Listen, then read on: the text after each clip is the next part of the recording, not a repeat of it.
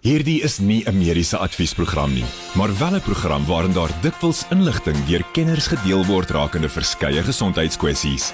Vir persoonlike raad of advies, raadpleeg jou mediese dokter of sielkundige. Groot trauma op Groot FM 90.5.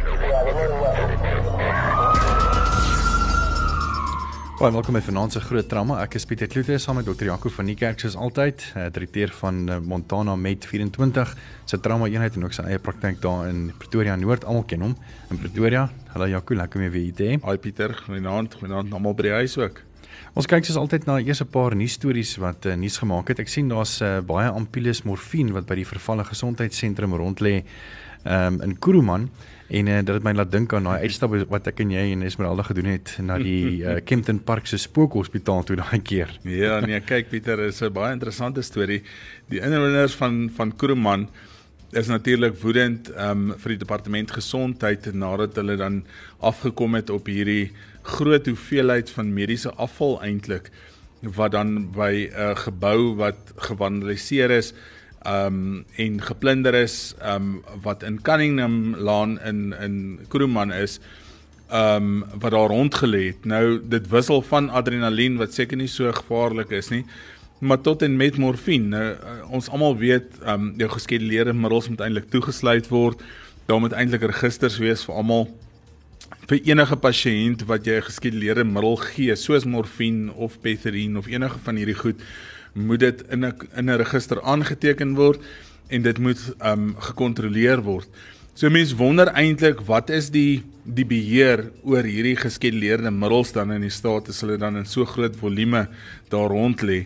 Nou die probleem is ook dit uit die aard van die saak as jy hierdie middels wat veral morfine dan nou wat afhanklikheidsvormend is um en tot groot misbruik kan lei daar los gaan jy uit die aard van die saak die middelafhanklike mense kry wat hierdie plekke plunder wat hierdie plekke gaan gebruik vir hulle hulle ehm um, gewoonte en ehm um, dit maak dan net die die spasie oop of die die die die hele ding hek oop vir allerlei ander siektes en probleme wat daar kan gebeur.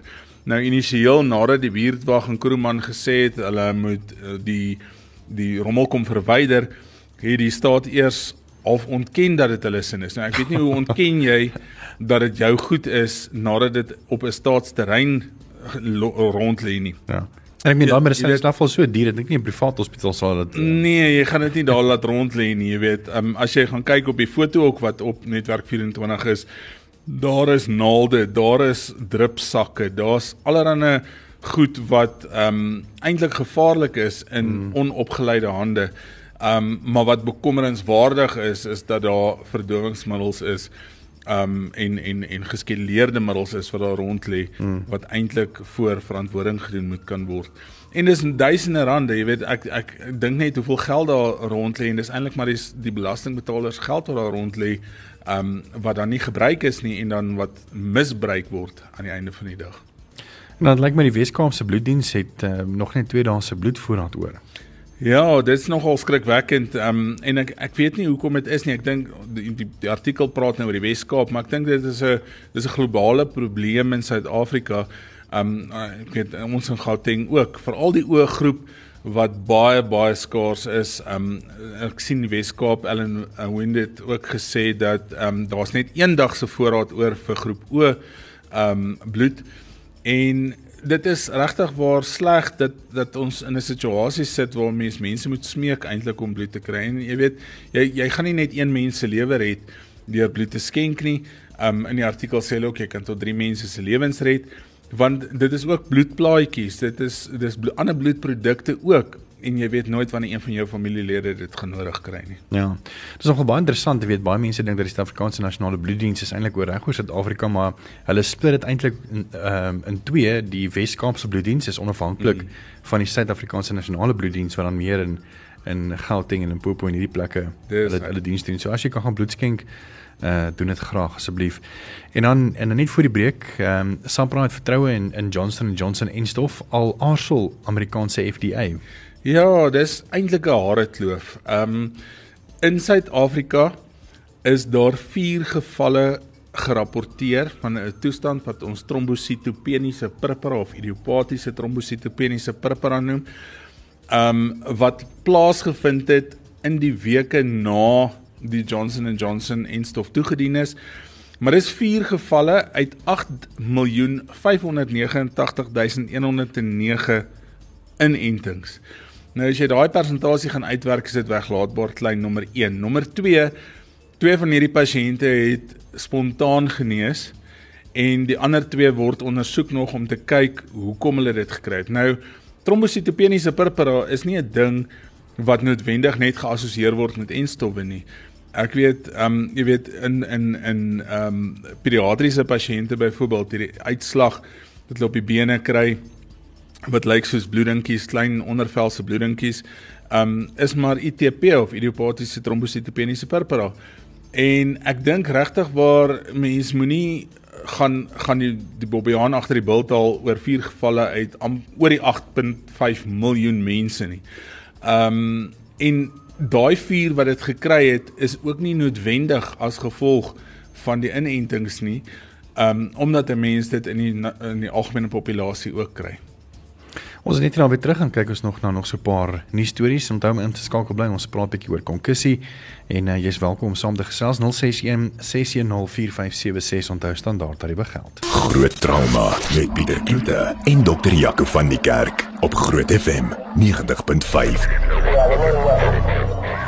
Daar kan nog 'n storie wat my aandag getrek het is 'n man wat sterf aan Lassa koors na besoek aan Nigeria.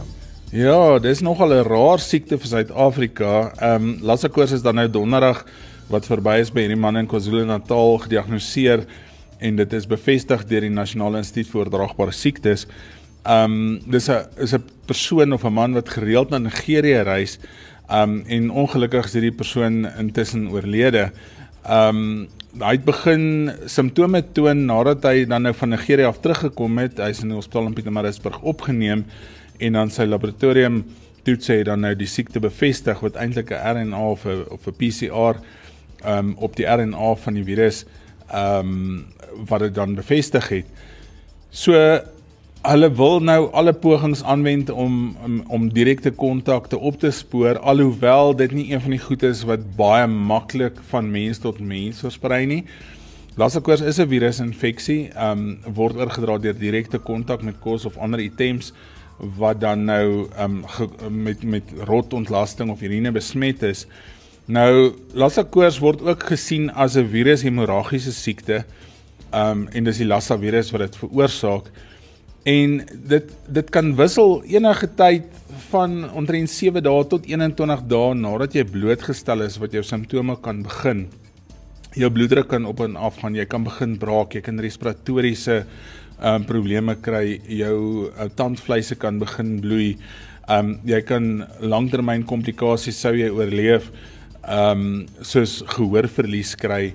Um swanger vrouens sal dan miskrame kry. As mens gaan kyk na die insidensie in die wêreld, sê hulle omtrent 400 000 gevalle per jaar wat dan gediagnoseer word wêreldwyd, waarvan die meeste in ehm um, Wes-Afrika, Sierra Leone, Liberia, Nigeria, daai klas van dinge is. Ehm um, en dan omtrent uit 400 000 gevalle wêreldwyd per jaar is daar omtrent 5000 sterftes. Ehm um, so ja, ek dink die die die groot ding is ehm um, mens moenie so half hysteries ook raak soos Ebola of hierdie klas van van siekte wat nou Suid-Afrika gaan tref nie. Maar dit is nogal 'n redelike ernstige siekte en is 'n ding wat mense moet na na kyk en aan dink as jy in daai Wes-Afrika dele veral gaan reis. Um en dit is endemiese lande en dit is 'n redelike ernstige virushemorragiese siekte. So ek is veilig om te sê dat weet as jy nou 'n blikkie koeldrank koop en het nou rot piepie opgelê en jy was net die blikkie af teen jy drink hom net so dat jy nou nie gaan lassa kry nie. Nee, jy gaan waarskynlik nie lassa kry nie, jy gaan dalk net 'n lelike gastro onderlede kry. Eh, so hoe hoe hoe moet hulle dan die ehm um, die rot se fisies of dan uh consume as as ek dit nou die Engelse woord kan gebruik? Kyk, die rot moet bin nommer 1 die Lassa virus dra. Okay. En eers as die, die rot die Lassa virus dra, word dit uitgeskei in die feses en die en die urine en eers dan ehm um, sal 'n mens dan geïnfekteer kan raak. Die ding is net Suid-Afrika is nie regtig endemies vir Lassa koors nie. Ehm um, waar dan jou Wes-Afrika lande ensovoorts definitief 'n hoë insidensie het.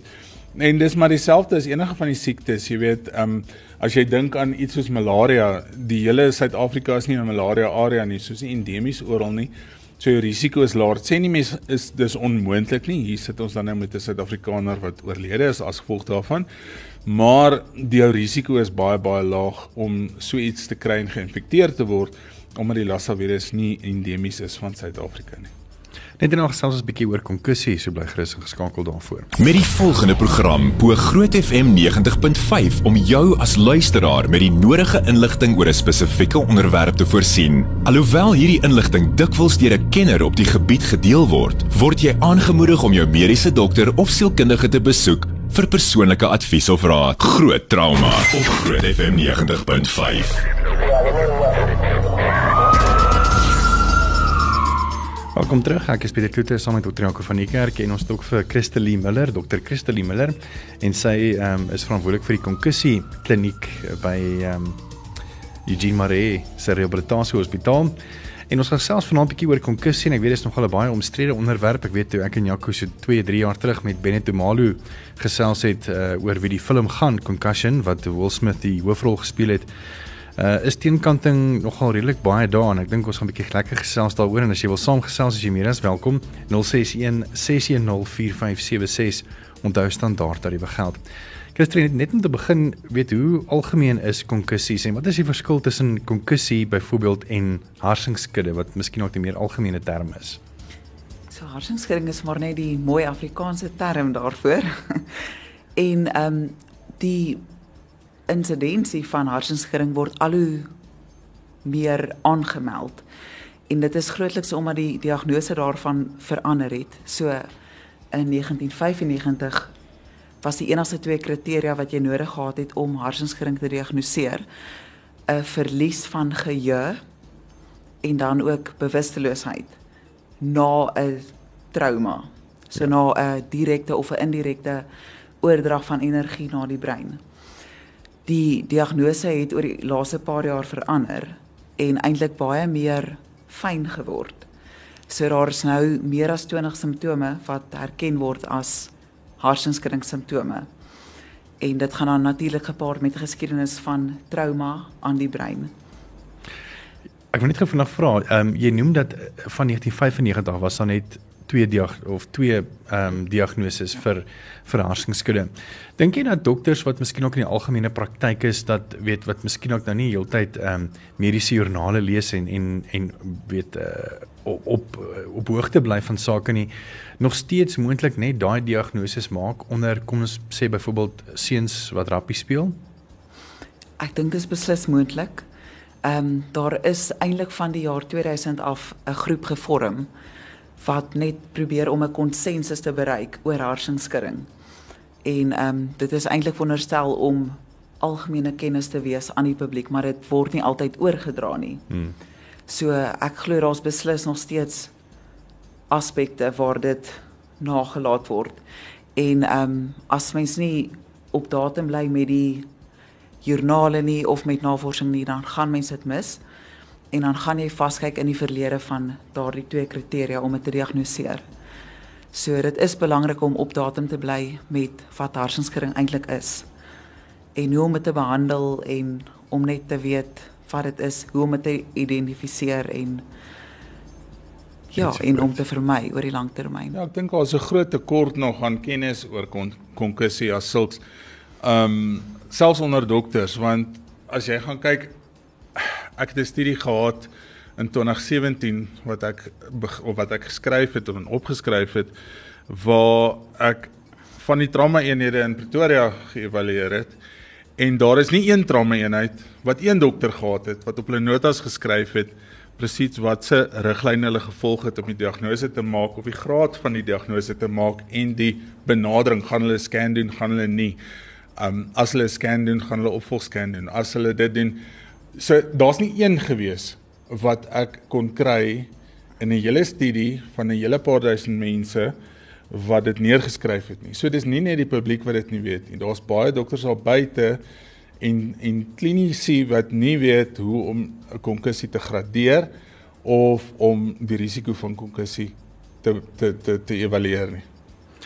As mens kyk na die samestelling van die brein, um, is ons natuurlik nou nie houtkappers wat gemaak is om hout te kap en jou jou kop heeltyd te stamp en sulke goed nie, maar ek meen hoe ek, ek weet ook 'n mens se liggaam is ook weet baie resilient as dit as Engelse woord dit mooi beskryf. Maar tog is ons nie gemaak om heeltyd ons kop te stamp nie, nie waar nie? Ja, ek sê saam. So met 'n houtkapper Daar is verskeie faktore wat nou 'n rol speel. 'n Houtkapper se brein weeg baie minder as 'n mens se brein.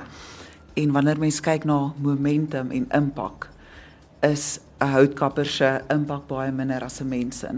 So 'n menslike brein wat 3 tot 4 kg weeg met 'n impak is die momentum baie groter. So die oordrag oordrag van krag na die brein is heelwat meer. daarmee saam het ons 'n skedel wat ook eintlik redelik dun is en wat nie sponsagtig is nie. So die energie word nie geabsorbeer deur die skedel nie, maar eintlik deur die brein. So as jy jou kop stamp, um, as ek dit nou reg verstaan, dan dan stamp jou brein letterlik teen die skedel want daar's nie enige uh, as as nou harde stamp is natuurlik teen die teen die teen die skedel en dit is wat dan hartskudde veroorsaak nie waar nie? Ja, dit is gewoonlik wat gebeur. So die brein dryf in vog om die brein en dan met 'n impak teen die kop word die brein dan gewoonlik teen die een kant geslaan en teen die ander kant. So dit is wat dit so traumaties maak. Ons het nou weer terug, is nou tyd vir Jaco se mediese mite minuut. Ja, ons praat nou oor konkussie, so daar's baie mites dink ek al buite rakende konkussie. En ek dink een van die goeters is en ons het nou-nou dit aangeraak is dat ehm um, almal dink jy moet bewussynsverlies hê om konkussie te hê en dis nie die waarheid nie. Almal hoef nie bewussynsverlies mee te hê nie. Daar's ander goed ook waarna jy kyk. Die tweede miskonsepsie dink ek wat daar was en daar nog baie keer is, is dat baie mense dink jy met jou kop stamp om 'n konkussie te hê, maar baie keer is dit net hierdie akselerasie deselerasie beserings met ander woorde wat ons nou oor gepraat het waar die brein dryf in die in die in die brein vog of die cerebrospinaal vog waar dan eintlik is jy vinnig stop, waartoe gaan jou brein? Hy gaan nog steeds na die rigting gaan, nê. So hy gaan aan die agterkant van jou skedel stamp eintlik aan die einde van die dag. Ehm um, en jy het nie nodig om jou kop altyd noodwendig te stamp om 'n konkussie te kry nie. Groot trauma op Groot FM 90.5. Ons gesels 'n bietjie oor konkussie en ons gaan nou 'n bietjie verder gesels oor weet wat dit beteken vir rugby spelers en die meer.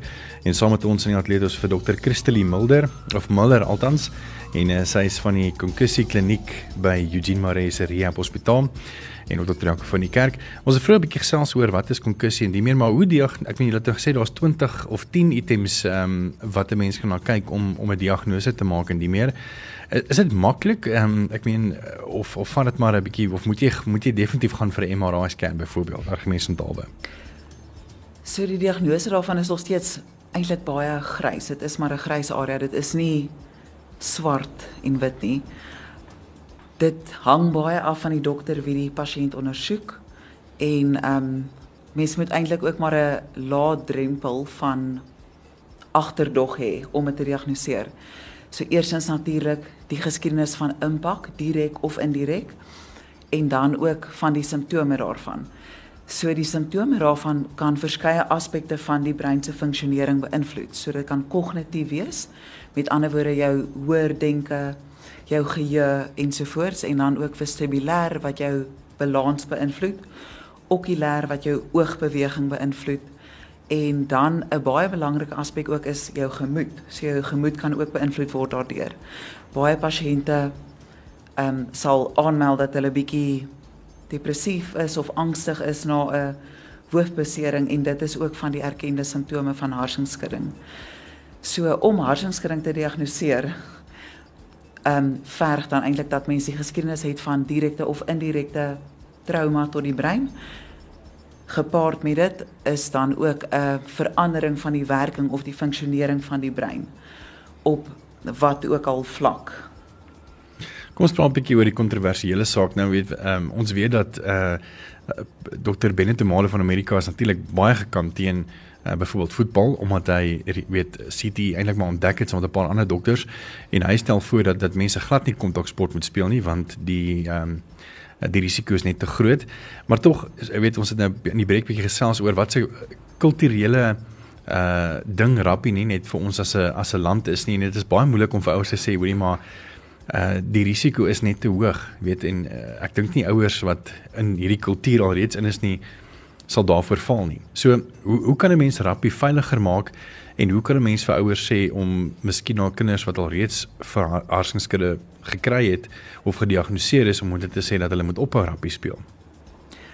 Ja, ek besef rugby is baie tradisioneel in Suid-Afrika en ehm um, dit is ook ietsie wat ons kultuur mooi maak en dit het al baie vir ons land beteken. So mense wil graag die sport behou vir wat dit is. Maar mense wil dit ook so veilig as moontlik maak. So daar daar bestaan reëls in rugby wat mense kan volg om dit so veilig as moontlik te maak. In rugby vind die meeste harsingskirings plaas tydens die tackle daar is riglyne wat die tackle tegniek veiliger maak.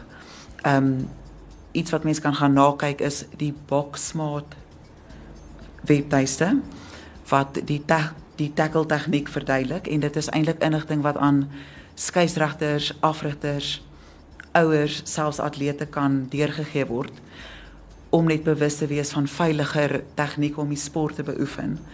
En dan ook natuurlik om net die reëls van die sport te volg om nie sinneloos te wees nie en om so veilig as moontlik op te tree en dan wanneer jy 'n harsingskudding ondergaan het om seker te maak dat jy deur 'n gekwalifiseerde persoon goedgekeur is om terug te keer na die sport om dit weer te beoefen. En ek dink Jaco, as jy die voorbeeld kan gebruik vir die persoon wat ek meen die die voorbeeld van die seun wat ongelukkig gesterf het weens dat hy te vroeg uh voor die tyd weer begin rappie speel het. Ja Pieter, ek dink ek dink baie mense gaan my wil doodry daar buitekant. Ehm um, want ek is ek is geneig om met ehm um, Dr. Malo saam te stem. Ehm um, konkussie is 'n ding waar jou simptome gaan weggaan, maar dit beteken nie jou funksie van jou brein is normaal nie. En ons sit in 'n derde wêreld land waar ons nie funksionele MRI's het om dit vir mense te kan wys nie. Um, as ons in so 'n land gesit het, het ons dalk 'n beter voet gehad om op te staan. Um, maar dit voel net vir my as jy weet jy gaan 'n konkussie kry en jy weet jy gaan jou brein vir die res van tyd sy funksie verander hoekom doen jy dit? En hoekom laat jy iemand toe wat jy sê jy's onskynlik voor lief of gee om voor of is daar om as voog op te tree vir iemand? Hoekom laat jy dit toe? Is dit nie dieselfde as kindermishandeling nie? Dit kan filosofies gesien word en dit is so maar aan die einde van die dag is dit nog steeds 'n feit. En die vraag is hoe lank na konkussie moet jy moet jy um nie speel nie en nie weer kontak hê nie? En die antwoord is ek dink nie daar's 'n antwoord nie want ons almal sê nou as jy as jy nie simptome het nie en daar's klomp riglyne en daar's klomp toetse wat jy kan doen en daar's klomp daar's soveel debat daaroor um dit hang af na wie jy luister en en en, en vir wie jy glo um en wie jy ondersteun Maar aan die einde van die dag, ehm um, gaan jy nog steeds. Ek het 'n pasiënt gehad wat na 6 weke nog steeds dood is um, met 'n tweede inpakkonkussie. Ehm um, of daarna. Ehm um, so ja, ek dink nie ons weet al hoe lank iemand nie moet ophou en en wanneer hulle weer kan teruggaan altyd 100% nie. So jy vat 'n kans en ehm um, waarskynlik is jy het jy goed ingeligte besluit in terme van of 'n goed ingeligte raaiskoot wat jy kan kan waag om vir iemand te sê maar ek dink nie jy kan sê dis 100% nie. Ons sal selfs net nie nou weer verder en uh, dan gaan ek ook vra dat dat Christelie ook vir ons 'n vraag antwoord wat Richard gestuur het en um, as jy wil weet waaroor dit gaan, hy wil weet oor of iets 'n ou vrou storie is of nie. En as jy wil weet wat die vraag is, bly geskakel, ons is net hier na weer terug. Met die volgende program bo Groot FM 90.5 om jou as luisteraar met die nodige inligting oor 'n spesifieke onderwerp te voorsien. Alhoewel hierdie inligting dikwels deur 'n kenner op die gebied gedeel word, word jy aangemoedig om jou mediese dokter of sielkundige te besoek vir persoonlike advies of raad. Groot trauma met Pieter Kloete en dokter Jaco van die Kerk op Groot FM 90.5. Saam met ons in die ateljee Dr. Christelie Miller van Eugene Maree Rehab Hospitaal en sy is baie passievol oor konkussie en sy is ook uh, die hoof van die konkussie kliniek uh, vir behandeling van dit. So kom ons gesels 'n bietjie Christelie oor die behandeling van hoofbeserings of dan konkussie. Goed, so eerstens moet jy uitskakel dat daar nie 'n ander katastrofiese besering is soos 'n breinbloeding of 'n skeel skedelfraktuur nie. So wanneer iemand 'n hou teen die kop of 'n indirekte hou het, moet jy hom dophou en kyk vir ernstige simptome en as jy besorgd is, neem hom maar liefs ongevalle toe. Laat hulle ten minste 'n RT of 'n CT scan doen van die brein om net seker te maak dat daar nie 'n bloeding is nie. Wanneer dit uitgeskakel is en jy diagnoseer die pasiënt met hersenskudding, is die hoofbehandeling vir die eerste 2 dae gewoonlik nog steeds rus. So die persoon moet dan kognitief soveel as moontlik rus. Hy moet afstand doen van blou lig, telefone, selfone, enige iets wat vir hom verstandelik uitdagend is. En daarna kan mens selfselmatig weer ligte oefening aan die persoon blootstel. En dit help eintlik om die bloedtoevoer na die brein te verhoog wat die hele metabooliese proses aanvorder vir die genesing van die brein. Ons doen eintlik alles stapsgewys en daar is eintlik pragmatiese protokolle wat mens kan volg vir die behandeling van hersenskudding. En as alles goed gaan, gewoonlik sê ons na 24 tot 48 uur kan die persoon aanbeweeg na die volgende stap. So eersins is dit dan die rus en dan die ligte aerobiese oefening en daarna kan die persoon self selfmatig weer blootgestel word aan sy daaglikse aktiwiteite en dit is net soos om tande te borsel, om self aan te trek, om self te besluit wat hy of sy wil aantrek. En ehm um, daarna om weer terug te gaan na as dit 'n skoolier is na skool. Gewoonlik sal ons voordat die persoon dan ook halfdag skool doen of wat ook al hy of sy kan bemagtig. Ehm um, as dit 'n persoon is wat moet werk, dan sê ons ook gewoonlik halfdag of wat ook al jy in staat is om te doen en dan ook natuurlik die groot ding is sport. So met sport vir skooliers skooliere sal ons ook sê gaan terug na die sport maar doen vir eers net fiksheid. En as dit dan goed gaan vir 24 tot, tot 48 uur, dan kan jy spesifieke vaardighede begin doen soos as dit rugby is, kan jy begin om die bal te gooi, maar bly nog weg van kontaksporte en dan ook beveel ons aan dat jy weer eens jou dokter sien om te sê dat jy dan veilig is om terug te keer na na volle kontaksport. Dit is baie interessant dat jy sê dat ehm um, weet jy hou die pasiënte weg van blou lig en ek meen uh dit is amper half onvermydelik in deesdae se tegnologie want ek meen blou lig is mos maar eintlik maar van jou slimfoon en ja. die meer nê. Nee. Ja, blou lig, dit is eintlik ook 'n ewel. Ja. Ehm um, maar die hele ding met blou lig is maar dit is 'n dis baie erge sensoriese inligting vir die brein. En dit verg eintlik ook baie konsentrasie vir die brein om al die inligting te verwerk. Hmm en inligting op slimfone of op 'n rekenaar of op rekenaarspeletjies of selfs 'n TV is baie vinnig en dit verander baie vinnig. So dit is vir die brein eintlik baie uitdagend om dit alles te verwerk en vir 'n brein wat herstel van konkussie wil jy nie hê die arme brein moet nog deur dit ook gaan nie. Mm. So doen maggerus afstand van enige blou lig. Ja, net om aan te sluit by wat Dr. Miller gesê het is mense kan gaan kyk ook is want dit is nou baie inligting. So as hulle wil gaan lees daaroor, ehm um, die World Rugby het 'n hele webwerf oor concussion guidance en graduated return to play.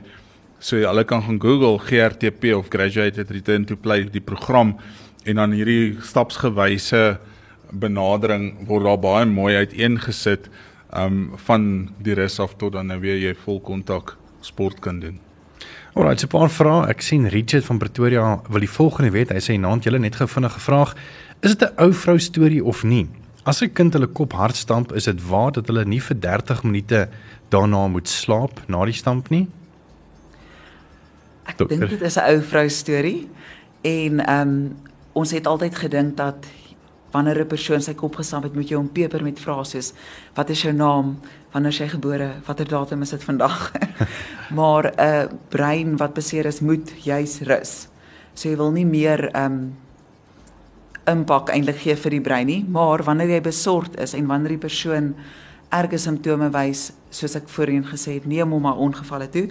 Laat hulle seker maak dat dit nie 'n ander ernstige besering is soos 'n breinbloeding of so nie. Maar weer eens wanneer dit gediagnoseer word as 'n konkussie, dan moet die brein juis rus. Ek dink ons het ook al hierdie gesprek gehad, Jaco, waar uh, dis net gesê ek spot en sê as mens um, mense kan wakker hou met ernstige hoofbeserings en iemand ooit dood gegaan of in 'n koma ingegaan het. So daai is eintlik maar 'n ou vrugstorie. En dan is nog 'n vraag wat deur gekom het ehm um, van Estie af en sy sê: "Hallo dokter Jaco en Pieter het baie jare terug baie baie hard agteroor geval toe albei voete op 'n nat oppervlakte gegly het. Dokter toe geneem maar niks fout gevind nie. My brein het wel vir 'n paar weke lank soos 'n pampoen in water geskommel wanneer ek in die oggend opgestaan het en ek moes eers wag totdat die geskommel weg was voordat ek regop gekom het. Sou dit of sou u dit beskou as konkussie? Ek het geen nagevolge oorgehou sover ek weet nie en die uitdrukking pampoenkop het vir my baie nuwe betekenis gekry. Dis van Estie af. Ja, ek wou net sê Estie dis 'n baie baie oulike manier om dit te beskryf, die pampoen wat in water skommel, maar ek dink definitief dis 'n konkussie as mens na jou simptome gaan kyk. Weer eens baie dankie dokter Christelie Miller um, van die konkussie kliniek by Eugene Maree se rehab hospitaal. Ek dink ons kan verseker weer 'n bietjie gespreek oor hierdie konkussies met haar doen so 'n bietjie later in die jaar. Jaco dan net dit is nou nog steeds vra vir Jaco of dan vra vir die kenners. Ehm um, hier's 'n vraag van Ina wat inkom wat sê asseblief ek het 'n baie belangrike vraag om aan dokter Jaco van Montana te vra. My vraag is can too much water kill you? Ek het 'n uh, insetsel op YouTube gesien, maar voor ek dit kon lees, was dit weg. Ek drink so 6 liter water 'n dag. Urineer baie saans, maar kwaliek in die dag. Wat's reg? Help my asseblief. Lyk my uh, dokter YouTube en dokter Google was nou al weer besig. Ek dink dit is 'n baie komplekse vraag eintlik want aan die een kant kan te veel water jou doodmaak as jy regtig dit kan inkry en nie braak nie, dan kan dit sekerlik as jou elektrolyte en jy het 'n hele elektrolytwanbalans, so sekerlik kan dit as jy te veel inneem. Maar as jy regtig hipofise het wat werk en niere het wat werk en jy het nie ander metabooliese siektes nie, behoort jy nie te veel water te drink voordat jy nie op 'n manier self daarvan ontslaag gaan raak nie. Ehm um, die ander dinge, 6 liter water is nogal baie, soos hy's heeldag dors. Jy moet hom redelik drink om by 6 liter water uit te kom. Ehm um, en jy moet nou maar inval hier as jy wil help. En maar wat my pla is die urineer baie en baie dors. So mense moet gaan kyk na ander metabooliese goeie soos diabetes. Ag en daar's baie ander goed ook, jy weet wat dit wat dit kan veroorsaak. So ek dink nie dis normaal nie. Um ek dink geen mens gaan sommer net 6 liter water 'n dag drink nie. En dan die urinering veral saans of nokturie is vir my 'n is vir my 'n ding wat my pla. Um maar as mens eintlik 'n normale funksionerende brein het met funksionerende niere dan behoort dit nie um te veel water jou nie dood te maak want jy gaan nie soveel inneem dan nie. Dis dokter Jouke van die kerk, dokter Christelie Miller van Eugene Maree se Rehab Hospitaal, direk dokter Jouke van die kerk van Met 24 se trauma eenheid en ook sy eie praktyk daar in Montana, Pretoria Noord.